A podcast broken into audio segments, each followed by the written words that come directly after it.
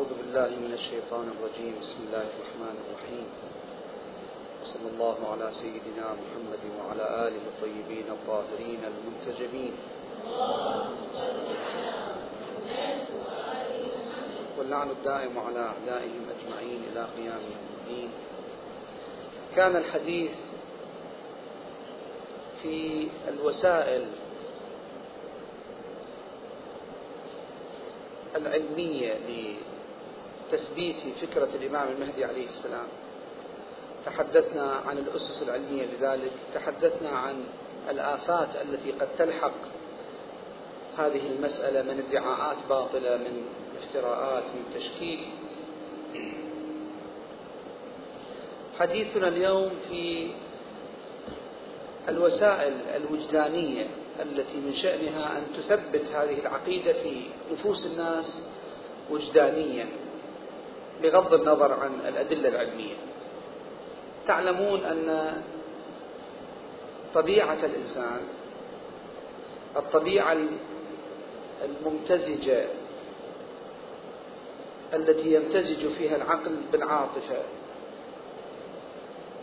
هذه الطبيعة لا تتحرك دائما على أساس العلم واليقين والأدلة العلمية.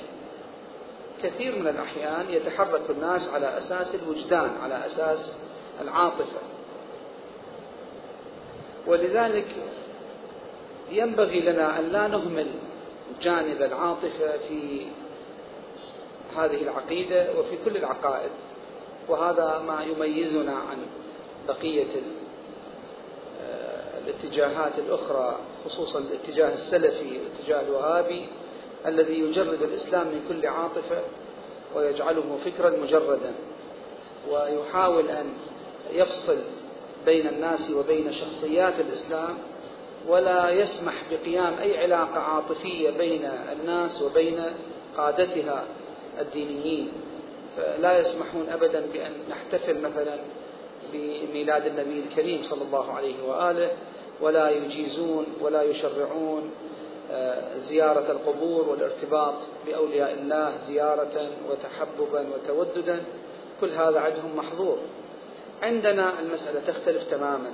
عندنا أن الله عز وجل جعل الحب والعاطفة آه، أساسا من أسس الارتباط بالدين ووسيلة من الوسائل المهمة للارتباط بالدين.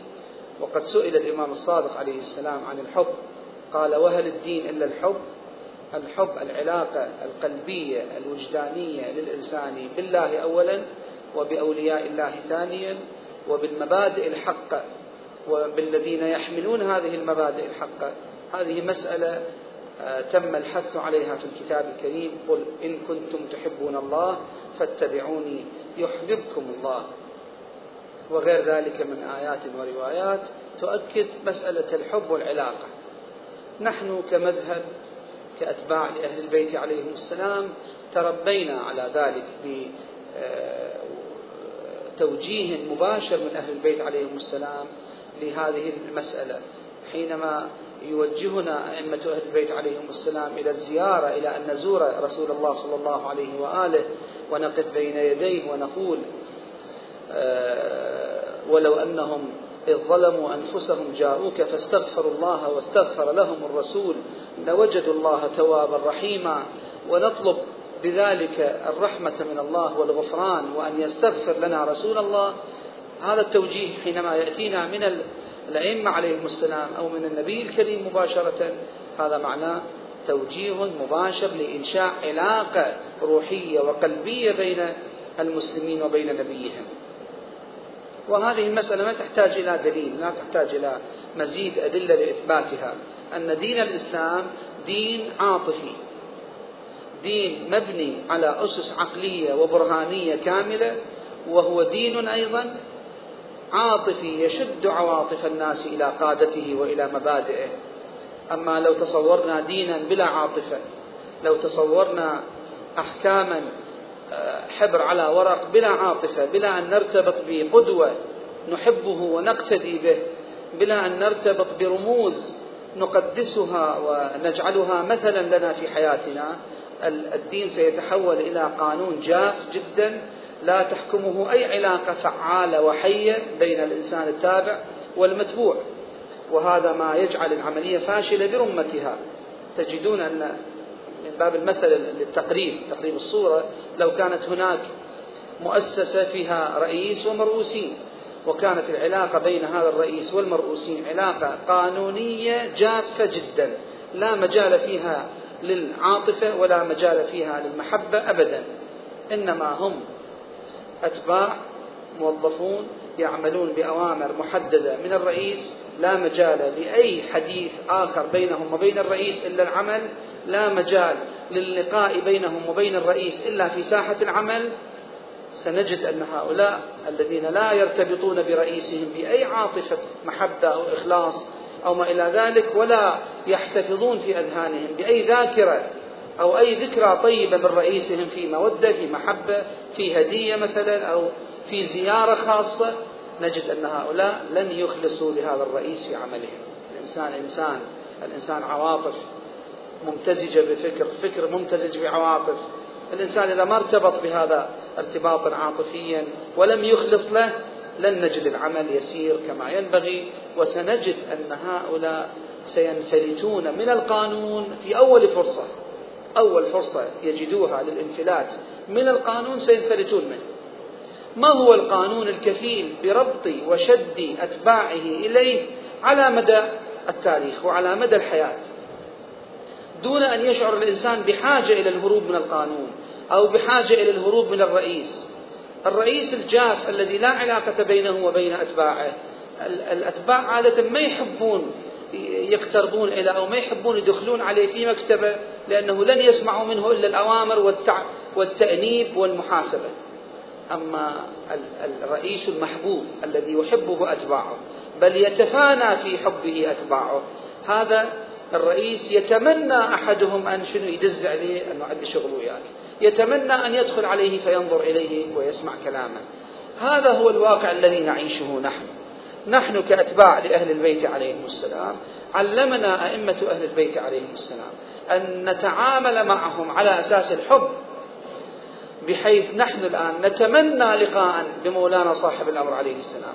نتمنى لمحة ننظر فيها إلى وجهه الشريف أو نسمع صوته أو نسمع منه أمرا نسمع منه توجيها.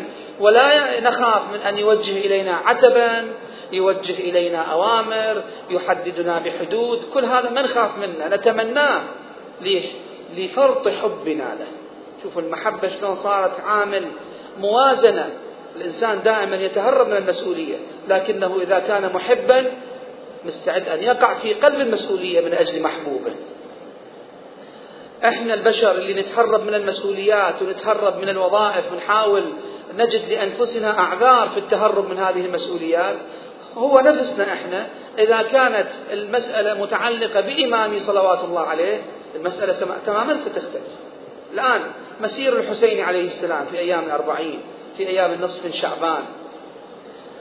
تجده مسيرا عجيبا يشخص هي هذه الحالة يعني يجسد الحقيقة هذه اللي نتحدث عنها. أن الحب إذا قام كعلاقة بين الرئيس والمرؤوس حول الموازين وقلب الموازين وحول المسؤوليات إلى شيء محبوب إلى الإنسان اللي ينبغي أن يقوم بها. مو شيء ثقيل. لو فرضنا هذه المسؤوليات الكثيرة اللي تقع على عاتق الخدم الذين يخدمون في طريق الحسين عليه السلام. هذا ينصب خيمة ذاك يطبخ ذاك يسوي شاي ذاك يقعد من الصبح. يترك نومته العزيزة ويجي ينام بالصحراء يترك بيته وينام بالصحراء حتى يهيئ شاي للزوار ويقدم لهم خدمة. وذاك الذي يفعل ما يفعل في سبيل تهيئة الوسائل. كل هؤلاء إذا درسنا أوضاعهم الحياتية ورجعنا إلى بيوتهم لا نجدهم ملتزمون بواجباتهم بشكل كما نراهم في الطريق هذا.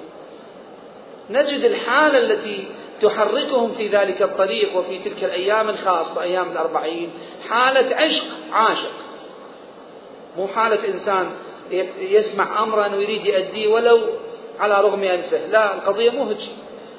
إنما هم يندفعون إلى تولي المسؤوليات والخدمة الشاقة اللي هو في أيام عادية ما مستعد يسويها لأبنائه ما مستعد يسويها لنفسه ما مستعد يجي ينام بالصحراء ثلاثة أيام أربعة أيام بالبرد وبالتراب حتى يسوي له شغلة يرتب في المسألة ما مستعد في الأيام العادية.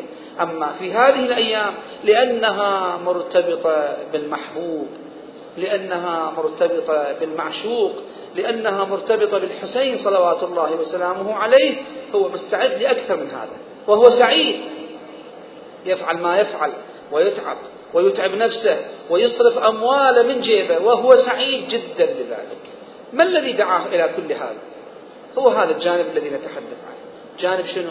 العلاقة الوجدانية العاطفية التي قامت بينه كمأموم وبين الإمام الحسين عليه السلام كإمام. بالله عليكم لو لم تكن هذه العلاقات بيننا وبين أئمتنا ولم تكن هذه المحبة قائمة بيننا وبين أهل البيت عليهم السلام من النبي الكريم صلى الله عليه وآله وحتى مولانا الإمام المهدي صلوات الله وسلامه عليه، هل كان يمكن للمذهب هذا أن يبقى كل هذه الفترة الطويلة مع شدة الملاحقة والتصفيات المستمرة والحرب الشعواء ضده؟ هل كان يمكن لنا أن نقوم شؤوننا وان نقوي هذا التيار الغريب في التاريخ، الغريب في صبره، الغريب في صلابته، الغريب في تفانيه في حب الإسلام والدفاع عن الإسلام.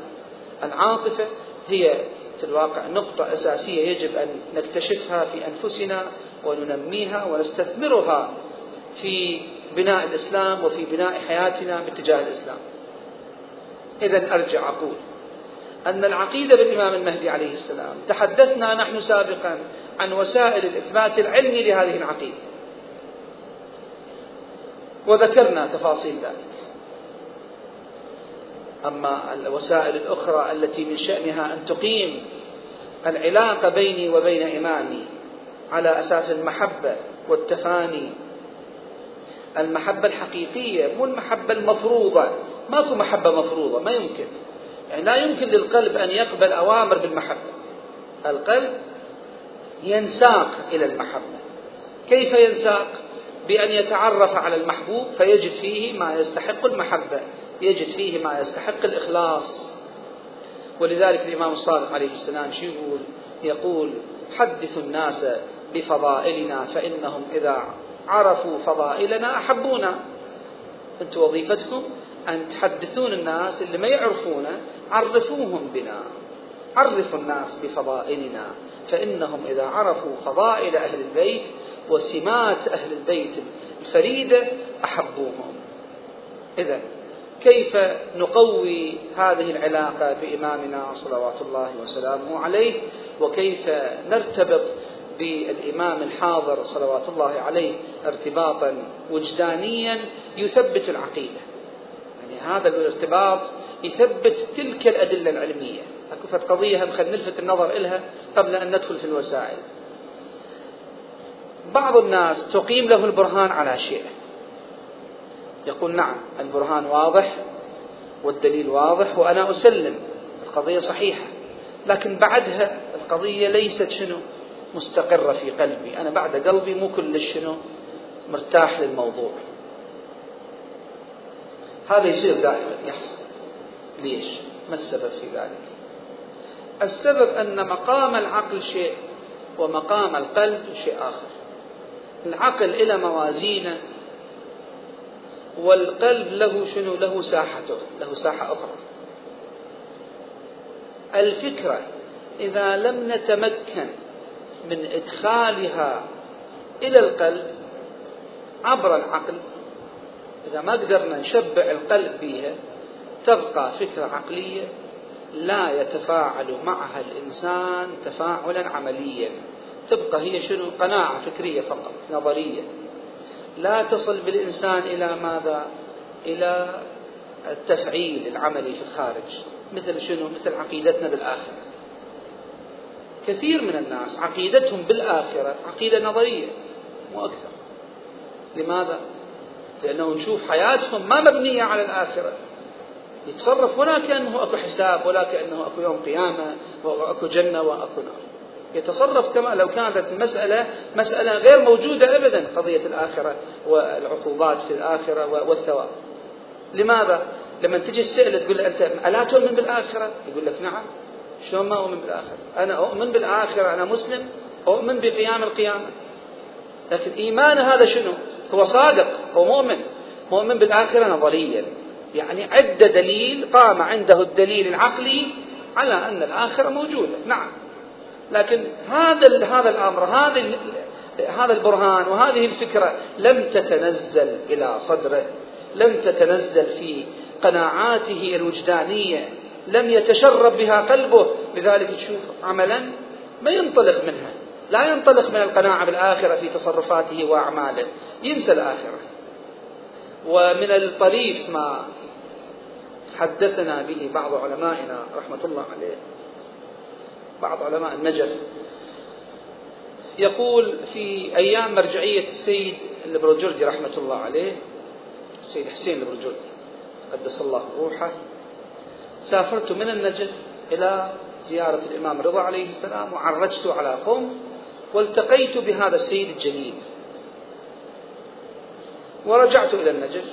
فاجتمع إليه علماء النجف يزوروه يهنئوه بالوصول وكثير منهم كان يحب منا أن يحدثهم عن السيد البرجردي رحمة الله فقال له بعضهم كيف رأيت هذا السيد؟ لأن سمعة السيد البرجردي كانت قد بلغت الآفاق وكان مرجعا عاما وكان على درجة عالية من القداسة والعلم والشفافية الروحية. يقول الرجل هذا العالم الجليل يقول أجبتهم بجواب مختصر قلت لهم خذوها قصيرة من طويلة. يعني ما أريد أحكي لكم حكي طويل في وصف هذا الرجل خذوها قصيرة من طويلة. كلمتين. رأيت رجلا يؤمن بالآخرة. هذا الجواب اللي إحنا نريده. شو يقصد بهذا؟ يقصد أن السيد البرجردي مو فقط رجل يعتقد بالآخرة اعتقاد نظري معلق في العقل فقط. لا عقيدته بالآخرة عقيدة تشرب بها قلبه بحيث كل أعماله بلحاظ الآخرة كل أعماله بلحاظ أنه غدا سيكون هناك حساب تقوى ورع احتياط أخلاق إلى آخره. هكذا أجابه. فإذا هاي مسألة ينبغي أن ندركها جيدا. أن الأفكار ما ينبغي أن نكتفي بأن نقتنع بها بعقولنا فقط. لا ينبغي أن نكتفي بأن نقتنع بأن الإمام المهدي عليه السلام ضرورة إسلامية وهو موجود حي يرزق. نقتنع قناعة عقلية مجردة فقط. الأدلة قامت على ذلك وباعتبار أن الأدلة قائمة ما أقدر أنا أنكر بس مو أكثر. أما هل تشرب قلبي بهذه القناعة؟ هل تشربت مشاعري وأحاسيسي وتفاعلت مع هذه الفكرة؟ هذا هو الذي يجب أن نحرص عليه بعد القناعة الفكرية. طبعا هنا ينبغي أن أنبه أنه بعض الناس يصل إلى الحق بمركب الوجدان فقط والعاطفة. وما يمر بشنو؟ ما يمر بما نمر به عادة من أدلة وبراهين. هذا يكون إنسان وصل مو مشكلة. ويكون يثبت عقائده بالوجدان وبالعاطفة بطريقته الخاصة هو. لكن أقول مثل هؤلاء الناس الذين آمنوا بالعاطفة فقط دون الدليل العلمي هذول معرضون للهزات. يعني إذا وجه بدليل علمي بشبهة علمية قد يقف. إلا إذا كان إيمانه ووجدانه قويا جدا. كشنو؟ كوجدان العجائز. لذلك وردت الرواية عليكم بدين العجائز. يعني شنو دين العجائز؟ يعني هو هذا الدين المبني على الكشف الوجداني والعاطفي على الارتباط بالحقيقة عاطفيا ووجدانيا. بشكل لا تزحزحه أي شبهة فأقول إذا لما إحنا نذكر العاطفة مو معناه نقلل من شأن الأدلة العلمية. الأدلة العلمية ضرورية خصوصا لهذه الطبقة اللي تريد تتحرك وتعلم الناس بالوعي وتواجه فتن اجتماعية وتواجه آه، مشاكل في واقع الحياة مشاكل المدعين الكذابين غير ذلك من طبقات من الناس يحتاجون إلى وعي وأدلة. كلامنا عن العاطفة لا يعني تقليلا من شأن الأدلة العلمية.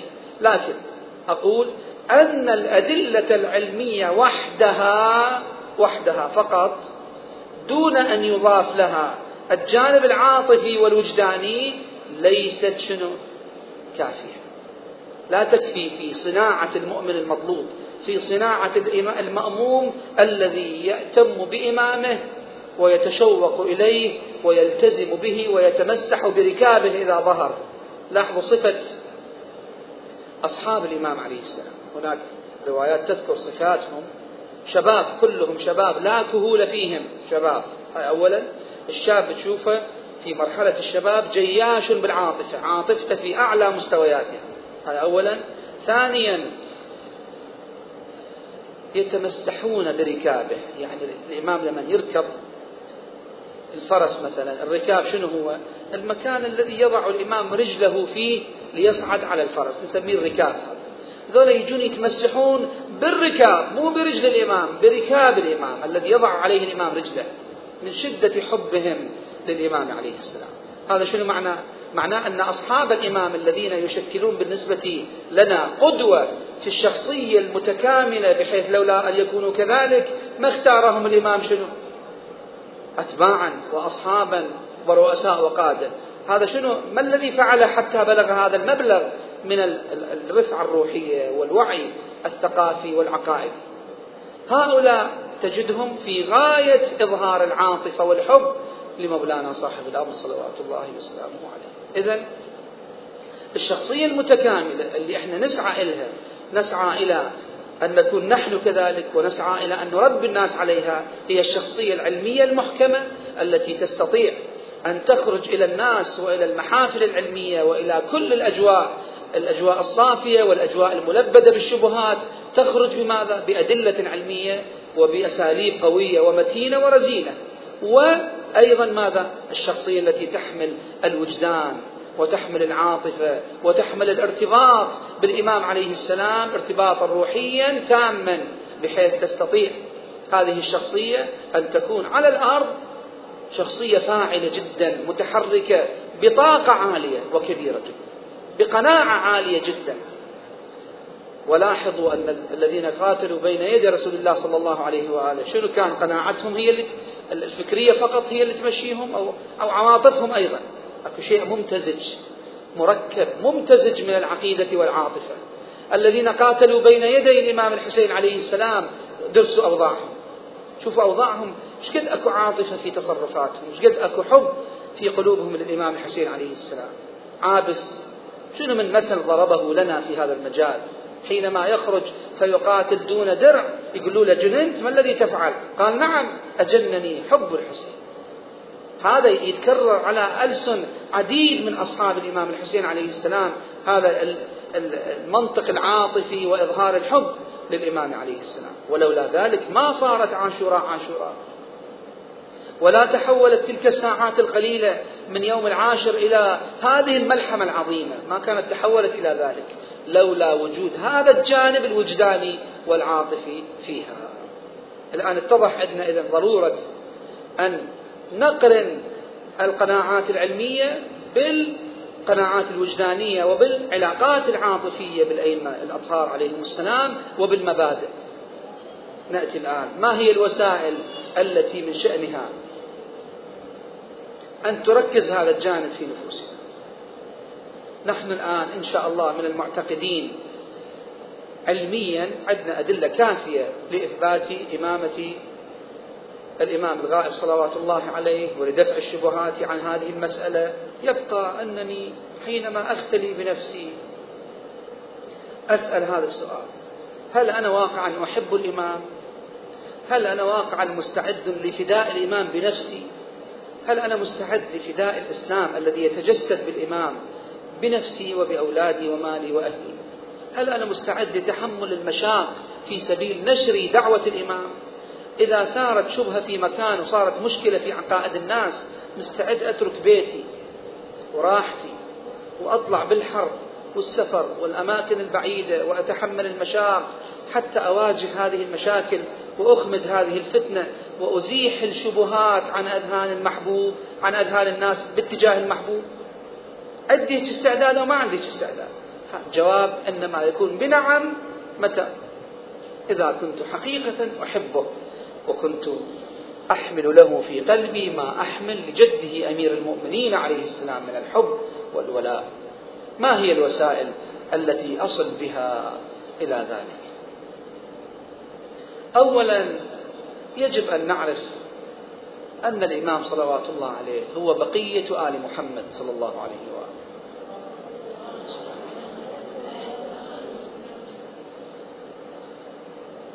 وهذه الكلمة تعني الكثير الكثير بالنسبة لنا. بقية آل محمد آل محمد الذين أولهم رسول الله صلى الله عليه وآله وتاليهم التالي لرسول الله علي بن أبي طالب. بما يحمل من فضائل وتاريخ بما نحمل له من محبة وود وولاء بما يشكل هذا الإنسان رمزا لنا رمزا لإيماننا رمزا لاستقامتنا رمزا لثباتنا على الدين. بقية آل محمد تعني أنه بقية الزهراء عليه السلام. هذا هو بقية الزهراء. بقية الحسن والحسين وارث هذا الخط. شنو عندي أنا من حب؟ من عواطف تتجه إلى رسول الله تتركز فيه وتتركز في أمير المؤمنين وتتركز في أولاده في الزهراء عليه السلام وتتركز في الإمام الكاظم وتتركز وتتوزع على الأئمة الأطهار عليهم السلام. شنو من عواطف عندي تجاه كل هؤلاء الأئمة الأطهار والأنوار الباهرة هذه كلها ينبغي أن تتركز في هذا.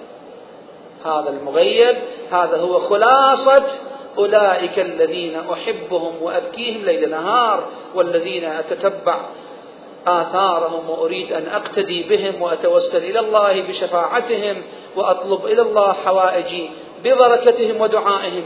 هذا خلاصة أولئك. هذا إذا تذكرناه دائما وخليناه في أذهاننا أن الإمام المهدي صلوات الله عليه خلاصة ذلك الخط الطاهر خلاصة من أحب من آل محمد. القضية راح تتركز جدا. راح ينشأ عندي فتنشأ عندي علاقة خاصة بالإمام عليه السلام. أتشوق إليه لأنظر في وجهه إلى ماذا؟ إلى وجه رسول الله صلى الله عليه وآله. أشتاق إلى نور محياه كما أشتاق إلى النظر إلى أمير المؤمنين عليه السلام. إذا نظرت إليه يذكرني بالزهراء عليه السلام. هو ذلك النور متلخص فيه. وهكذا بقية الأئمة الأطهار عليهم السلام إذا نظرت إليه كأني أنظر إليهم جميعا. هذه واحدة. الأمر الثاني بقية الله خير لكم إن كنتم مؤمنين. وهو بقية الله.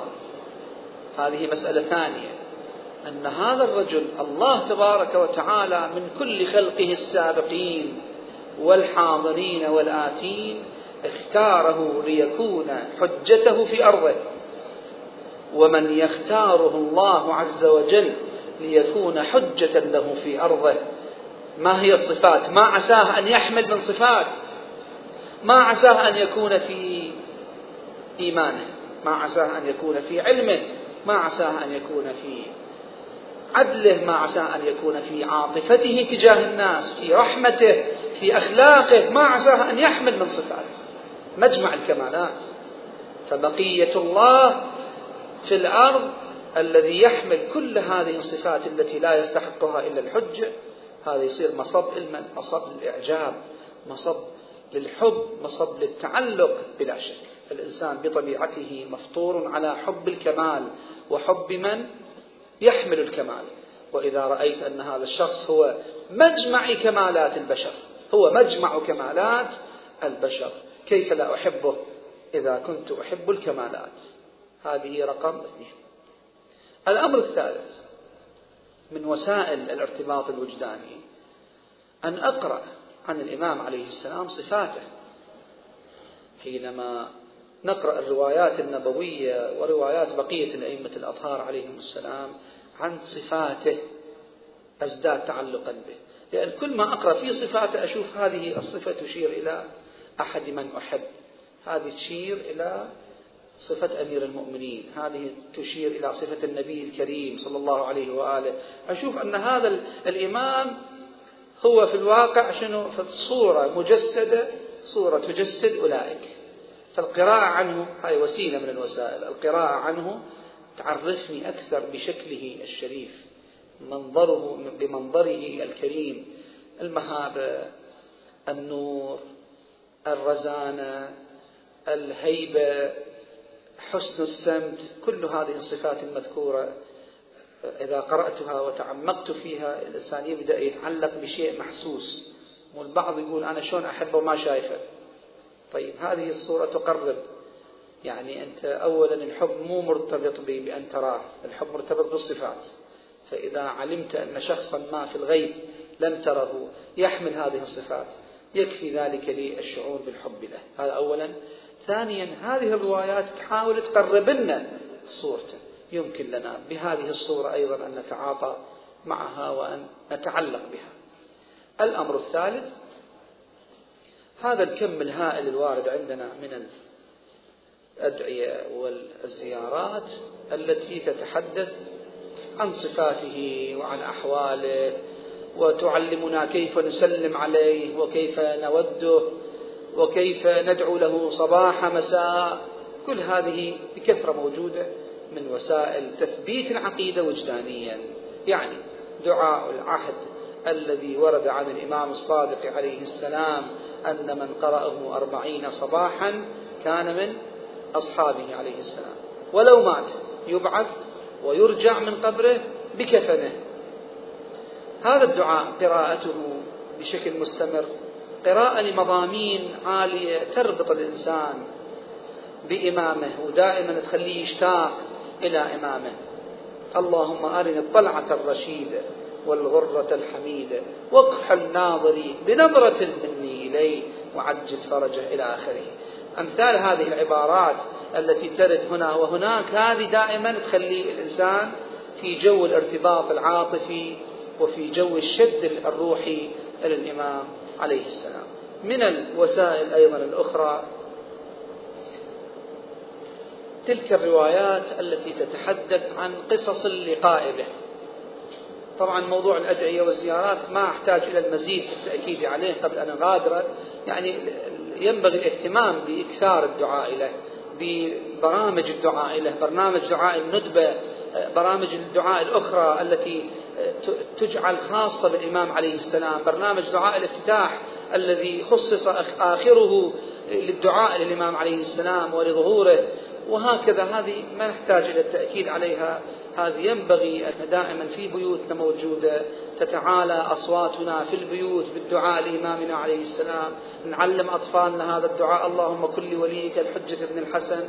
إلى آخره. يكون هذا الجو دائما حاضر في كل مكان في بيوتنا في مدارسنا في محل عملنا في احتفالاتنا وفي أفراحنا وأتراحنا.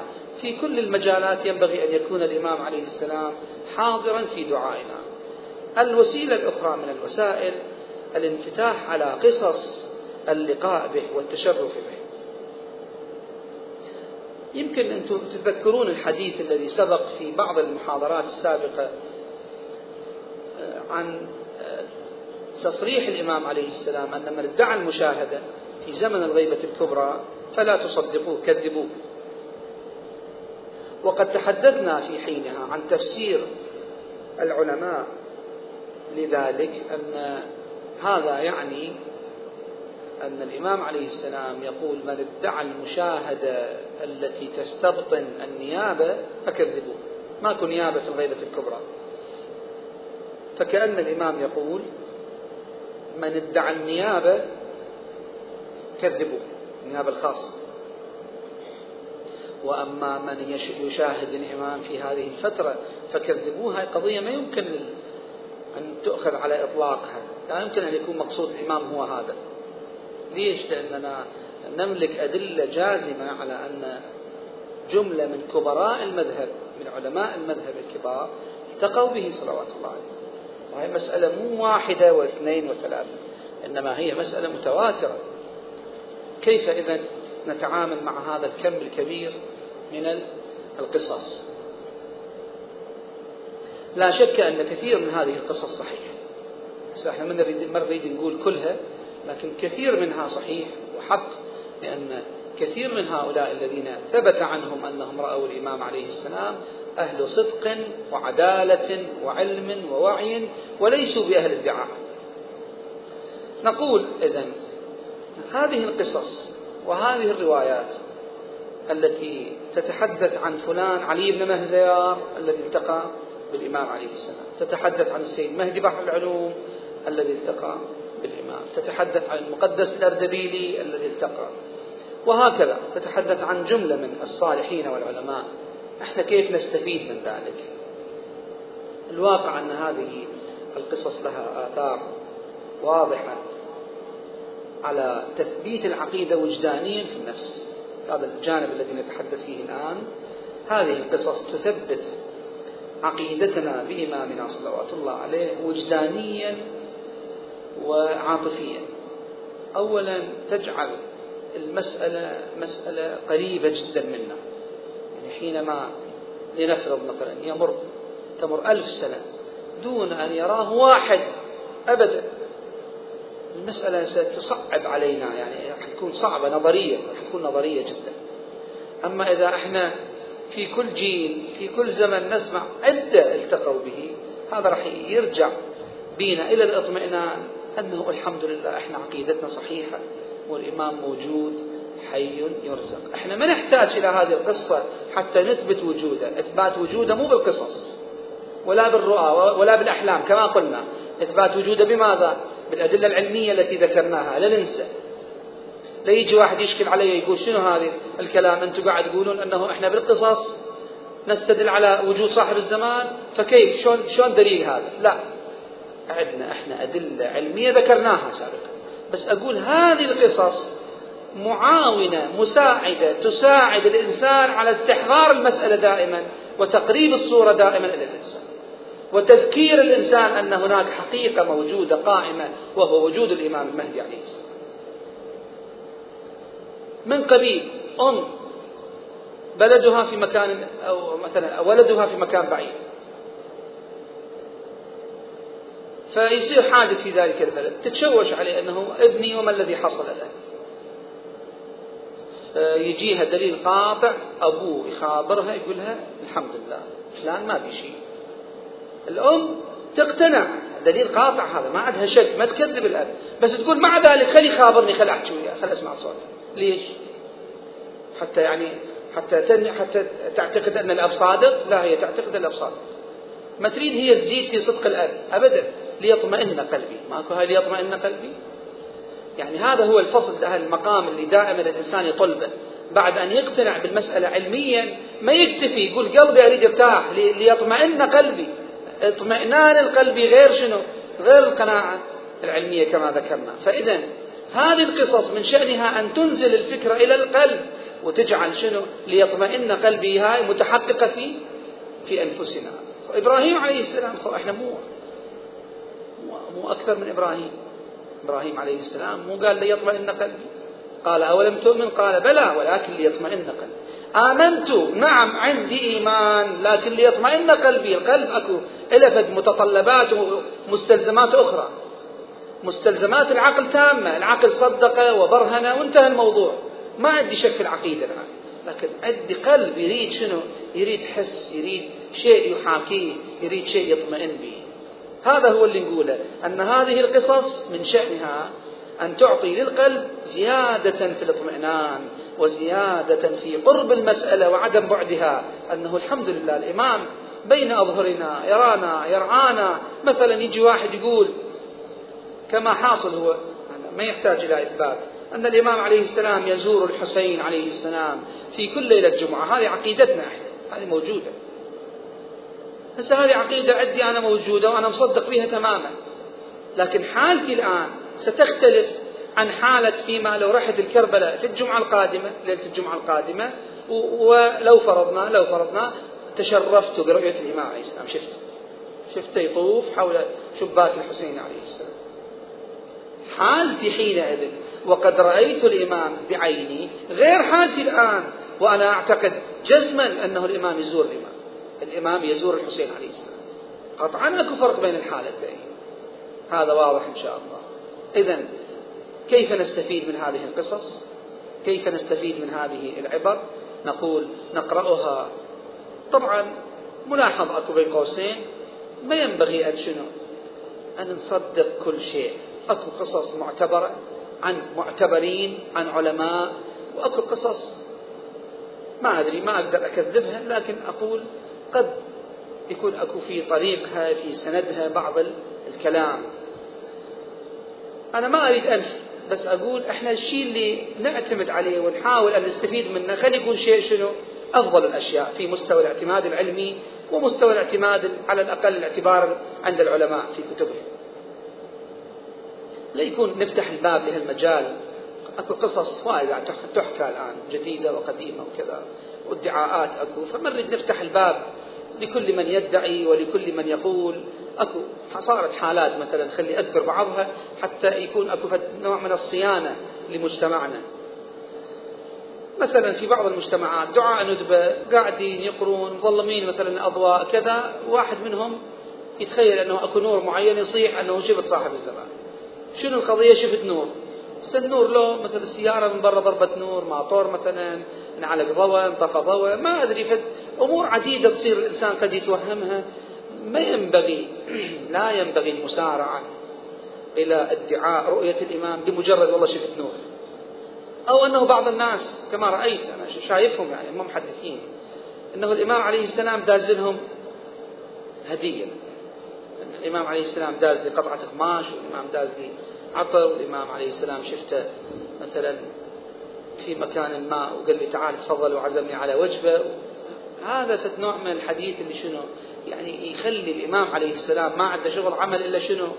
إلا هيك قضايا جزئية وصغيرة. والمتحدث هم لما تسمعه مو فد عالم من علماء الأمة أو فد مرجع من المراجع لا واحد عادي. زين أنا أجي أفكر أو مو أنا خليني أنا هيك لكنه العادي من الناس اللي نريد إحنا نكسبه إلى قضية الإمام المهدي عليه السلام. لما يجي يسمع يسمعنا نحكي بهالطريقة. هذا يقول شلون شلون الناس دول؟ إمامهم ما عنده شغل عمل يعني بس شي شغلات بسيطة وجزئية و... وفلانه يدز لها قطعة قماش وفلان يدز لها عباية وفلان يدز لها قلم. هذا شيء يس... يبدأ يصير رخيص في أذهان الناس. يصير هابط اذهان الناس إحنا امامنا إمام الكل إمام الكون حجة الله. مو ما نجي ننزله بالقصص وادعاءاتنا ننزله إلى هذه الدرجة من شنو؟ من عدم الأهمية. أقول هذا خلينا نحذر منه، خلينا نحذر من الحالة اللي صارت عند بعض الناس، حاله هم الحمد لله عندهم حالة من الإقبال من الحب للإمام عليه السلام. بس أكو فد نوع من الانفلات غير العقلاني في هذه المسألة، فد نوع من المبالغة في الادعاءات والتوهمات، بعضهم ما يدعي يتوهم، يعني هو مصدق نفسه بس وهم. أقول لا داعي لذلك. مثلا يجي واحد يدق للباب هو عنده في المشكلة عنده حاجة متضايق ماديا واحد يدق الباب يذب له شيء يسوي واحد. الإمام جاني أعطاني فلوس ليش الإمام؟ واحد من المؤمنين الله سخاه دز, لك الفلوس. ليش إلا الإمام؟ وهكذا. لاحظوا الإنسان شلون يتوسع. أنه أنا الإمام صاحب الزمان هو سوى لي هاي الشغلة. هو بنفسه اجى ليش هو بنفسه؟ هو دز واحد.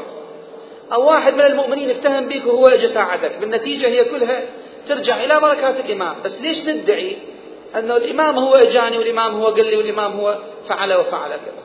مثلا واحدة من المؤمنات الله يعطيها العافية آه، تحكي عن نفسها أنها كانت في الطواف. وقد رأت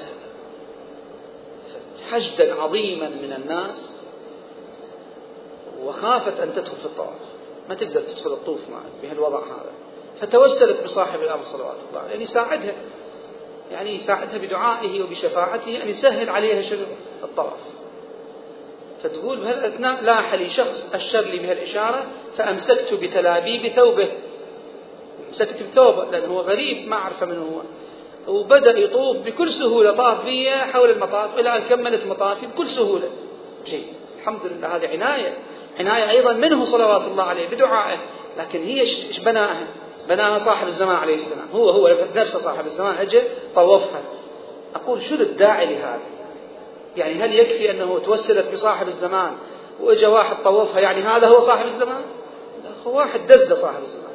صاحب الأمر عليه السلام. عظيم الشأن. يعني مو يجي يباشر امورنا هيك بهالجزئيات هذه يوجه الامام يوجه بارادته التكوينيه بولايه عده اتباع عده ابدال في الأرض يوجههم إلى اعمال الناس على كل حال القضية أقول خلي نصير عقلانيين في هذه المسألة حتى شنو لا نضر الفكرة أكو أفكار تتضرر بسبب أصحابها أصحابها يبالغون بها يبالغون بها حتى يرجع الضرر على الفكرة مو علينا على الفكرة. أكو ناس هواية ينفرون من, من فكرة القضية المهدوية والارتباط بالمهدي والأدعية والتوسل والبكاء. يقول لك شنو هالحكي هذا؟ ليش؟ لأنهم هذول عندهم دعاوى. يتريق ويا صاحب الزمان ويتغدى ما أدري من. هذا الكلام يعتبروه أمر سخيف يعني أمر لا يمكن تصديقه. إحنا نقول ما دام ما عندنا دليل قاطع وجازم على أنه هذا الإمام هو الذي فعله هو الذي جاء هو الذي أعطاه. ماكو داعي للتقول. ولعل هذا يدخل في الحرمة أن الإنسان يجي يدعي هكذا أن الإمام فعل لي وجاءني وأعطاني دون أن يكون عندي دليل جازم على هذا. هاي مسألة مهمة أرجو الالتفات لها دائما خصوصا بين الأخوات اللاتي عندهن برنامج دعاء ندبة برنامج دعاء كميل برامج روحية. خلي يصير حشد وتحشيد عاطفي لكن بحدود الأدب واللياقة مع الإمام عليه السلام. لا ندعي دعاوى على الإمام. هو الإمام يتأذى من عدل. الإمام هو يتأذى من عدل. قصة أخرى طريفة. وعد يقول أنا في آه، طريقي إلى مشهد آه، توسلت بالإمام الرضا عليه السلام. ما أدري شلون بالطريق اشتهيت فد أكلة بس ما أجيب اسمها لأنه مضحك. ما ما أريد الجو يعني يصير جو بعيد عن الجد. اشتهيت أكلة معينة. وإذا بالطريق واحد يوقفنا ويعزمنا على نفس الأكلة هذه. وجيد بارك الله بك بارك الله بك دعيت الإمام عليه السلام مثلا شفع إلى الله عز وجل في أن تأكل هيك أكلة. بس أقول هذا الحديث بيها الحديث بيها شنو؟ الجدوى بيها بس بيناتنا مو مشكلة. بس أكو أغراض. لك والله زين الأئمة أئمتهم يعني إلى هالدرجة بحيث يعني يوفرون لهم حتى شنو؟ حتى الوجبة اللي يشتهوها. قضية فيها فد نوع من عدم شنو؟ عدم الحدود وعدم العقلانية. باكر هم يطلع واحد يدعي بلي أنا الإمام عليه السلام توسلت بي وسوى لي القضية الفلانية اللي هي كلش عادية ما تسوى يعني. دعنا من هذه الأمور وهذه الدعاوى. خلي يكون همتنا عالية. خلي تكون يكون نظرنا إلى الإمام عالي. خلي يكون تمثيلنا لهذه الفكرة. تمثيل صحيح مو تمثيل رخيص وهابط. تمثيل عوام. العوام هذا حكيهم. أما الناس النخبة الذين وعوا ودرسوا وفهموا عليهم أن يجتنبوا هذه الأساليب. حتى إذا اكتشف الإنسان شيء. هذا نصيحة شخصية. حتى إذا اكتشفت مثلا يوم من الأيام أن هو هو الإمام عليه السلام أدى لي خدمة معينة. ليش أحكيها ليش أقولها؟ هذا يفسد العمل يفسد القيمة المعنوية للقضية. إذا أكو قيمة معنوية إلها تروح إذا تكلمت بها. لأن الكلام بها معناها شنو؟ أنا أريد أطلب منها شيئا مردودا معنويا بين الناس. ماكو داعي لهذا. أسكت أفضل. ولذلك أكثر من تشرف بالإمام يسكتون لا يذكرون. واكتشفت الحالات اللي مثل سيد بحر العلوم والمقدس الأردبيلي وأمثالها. اكتشفت هاي الحالات اللي هم التقوا بها بالإمام مو هم قالوها اكتشفوها أصحابهم. تلميذ كان معه طلع صاحب من أصحابه كان معه رأى وحدث أما هو نفسه ما يتحدث. فأقول إذا هذا الجانب أرجع. الجانب الوجداني مهم جدا. إن شاء الله نطوره ونحاول أن ننميه ونجعله يتبلور باتجاه العقلانية وباتجاه شأن الإمام وعظم شأن الإمام عليه السلام. نستفيد من قصص اللقاءات استفادات كثيرة جدا. اللقاءات بالإمام المهدي عليه السلام كثيرة. تقرؤون في كتب مثل النجم الثاقب مثلا كتاب النجم الثاقب. يذكر عديد من هذه التشرفات في بحار الأنوار أيضا يذكر جملة منها في الكتب المعتبرة. أنا أنصح بالكتب المعتبرة. اقرأوها. وانظروا إلى توجيهات ونصائح الإمام عليه السلام لشيعته. هي هذا المهم. هذا المهم في اللقاءات.